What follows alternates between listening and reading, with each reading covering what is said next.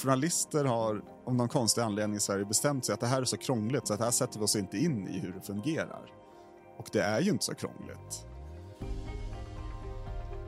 Välkommen till Begreppsbiblioteket, en podd som vrider och vänder på statsvetenskapens centrala begrepp. Idag pratar vi om jämkade uddatalsmetoden och det gör vi med professor Olle Folke. Och jag som pratar heter Johan Weiryd och är forskare här i Uppsala. För Olles avhandling, som egentligen inte handlade om att beskriva jämkad uddatalsmetoden, så behövde Olle ändå lära sig den metoden in i detalj för att kunna förstå hur eh, mandatfördelningar i olika kommunfullmäktige i Sverige råkade, uppstod och påverkades av slumpvisa faktorer. Eh, och sen dess, Olle, har du varit med och pratat om jämkad uddatalsmetoden i media och i andra sammanhang, eh, i, till exempel i samband med val och diskussioner om vallagen. Mm. Vad är jämkade uddatalsmetoden? Jämkade uddatalsmetoden är då den metod vi har valt i Sverige att ha för att eh, liksom förvandla röster till mandat. Så att vi behöver ha något sätt att dela upp mandaten på basis av rösterna. Och då är det metoden som vi gör det med. Du säger att vi har en metod för att förvandla röster till mandat. Eh, och det låter ju på något vis som ett... Ja, man hör att det är någonting lite krångligt här mm. och kanske undrar kan vi inte bara ta röstfördelningen och göra det till mandatfördelning? Har man fått 17 procent av rösterna ska man få 17 procent av mandaten. Varför gör man inte bara så? Det är i princip eh, det vi är ute efter när vi applicerar den här metoden. Att eh, vi ska komma så nära 17 procent av mandaten som möjligt. Men mandat är ju inte helt delbara. Vi har 349 mandat som ska fördelas i riksdagen till exempel och i kommunerna kan det vara så lite som 21 mandat. Och då måste vi bestämma vilka ska få de här så att man kan inte få en exakt överstämmelse mellan mandatandel och röstandel. Så det måste bli lite fel? Det måste bli lite fel.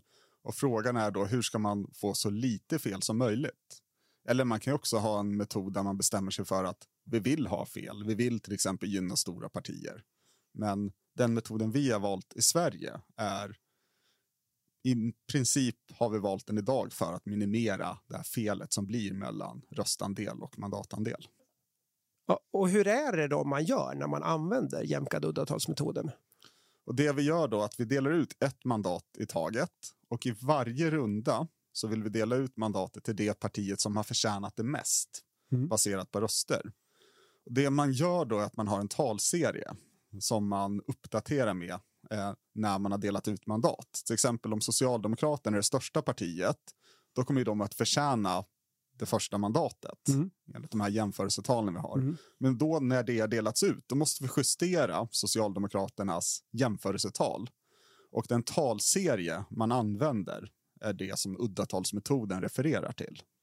Så man justerar Socialdemokraternas ja, röstantal med ett större och större uddatal. Större och större tal. Så att ju fler mandat man har fått tidigare i utdelningen, så att i de tidigare rundorna, desto högre tal delar man med.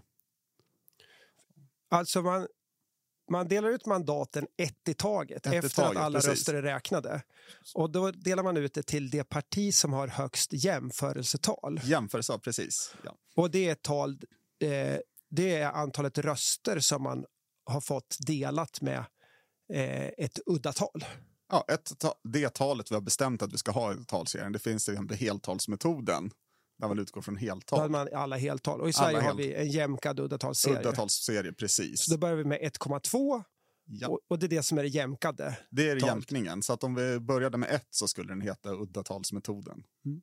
Och sen när man har fått ett mandat efter när man har haft delat med 1,2 då, då får man ett nytt jämförelsetal där röstantalet är delat med 3. Precis, för Socialdemokraterna. Men alla andra håller ju kvar på 1,2. Ja, ja, då är det dags för dem att få. Då, då är det antagligen om Socialdemokraterna är dubbelt så stora, mer eller mindre, som alla andra partier, då kommer de få det andra mandatet också. Mm. Men, men, till slut... om det inte, ja, men till slut så kommer ett annat parti att förtjäna det här. För att man har delat det man största delat partiets det, rösttal ja, precis, med så stort uddatal. Ja. Okej. Okay. Eh, om det är någon särskild tid som man får höra talas om jämkade uddatalsmetoden på så är det väl eh, på valnatten. Ja. Eh, och det kan vara så att man börjar testa och räkna, eller det är så att man börjar testa och räkna fastän alla röster inte räknade. Ja. Eh, och då så eh, kollar man hur mandatfördelningen skulle kunna bli. Och det känns nästan som att, mandatför- att jämkade uddatalsmetoden skapar lite kaos.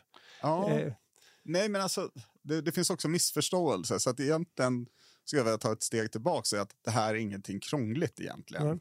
Eh, det är det första. Att, ja, men det är en ganska enkel procedur. Man tänker att det är någonting krångligt, men vi delar ut en, ett mandat i taget. Och det här skulle man kunna göra för hand.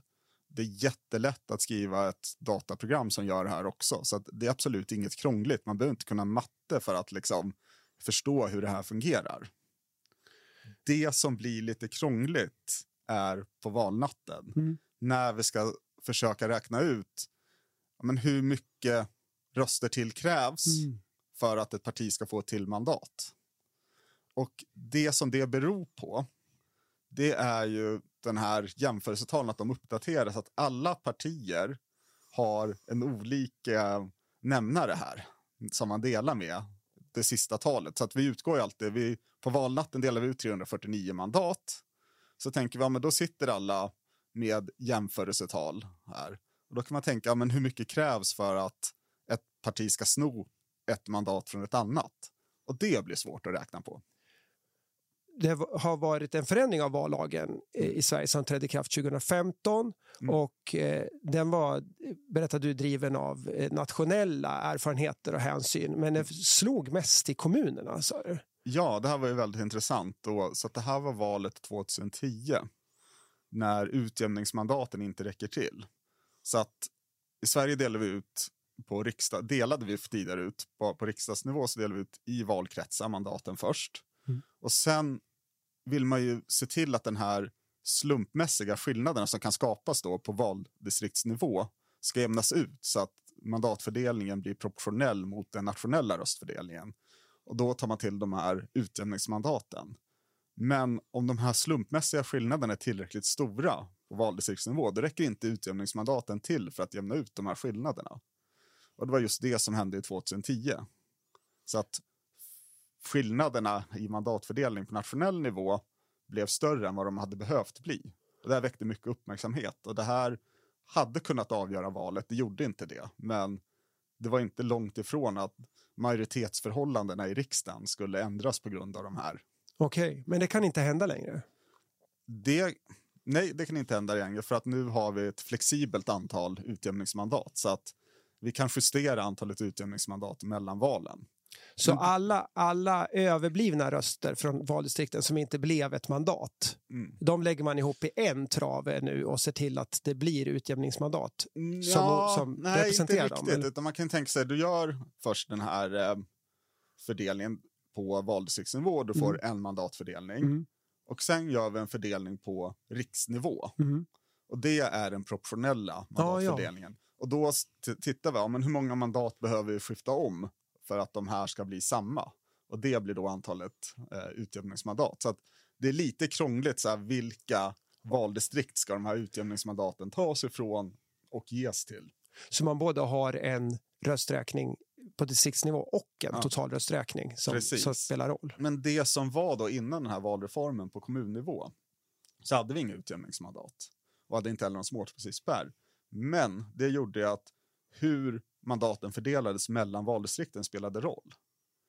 Och det som hände med den här jämkningen som vi har, som då var 1,4 förut, den ger en fördel till stora partier.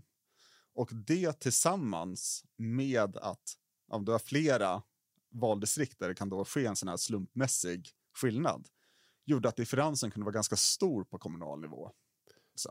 Och det var jämkade uddatalsmetoden vi hade före och Mm. efter, men, Ja. men förändringen av Ja. utjämningsmandaten. Precis, och jämkningen är ju lite konstig.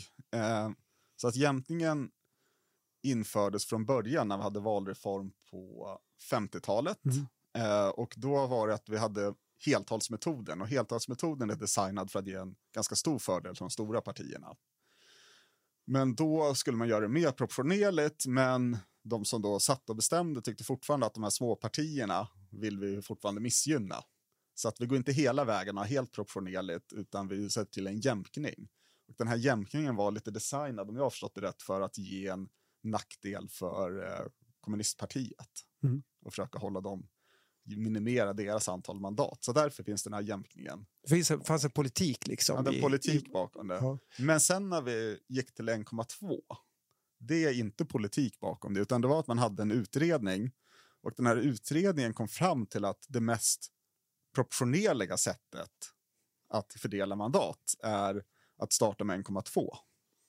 Eh, det här stämmer ju inte, men det här byggde på några simuleringar som gjordes och de här simuleringarna kanske inte var jätteväl genomförda. Men så att vi har ju en unik talserie här i Sverige tack vare just den här simuleringarna som gjordes och det man kom fram till där. Så förut hade vi en lite oproportionerlig eh, metod för att, mm. vi, för att man hade velat missgynna ett parti ja. och nu har vi en lite eh, ovanlig metod för att det råkar bli lite fel. Ja, i uträkningen. Men det som är intressant är att den här spelar ingen roll egentligen i praktiken. I och med att vi har en småpartispärr på 4% och vi har fasta småpartispärrar nu också i kommunerna. Så att den här jämkningen spelar ju bara roll för det första mandatet. Men har du nått över småpartispärrarna, då kommer det ändå liksom, ja, då, då kommer du få mer, mm. minst ett mandat ändå. Och det gör ju att ja, det spelar ingen roll om vi jämkar eller inte med dagens mandatfördelningssystem.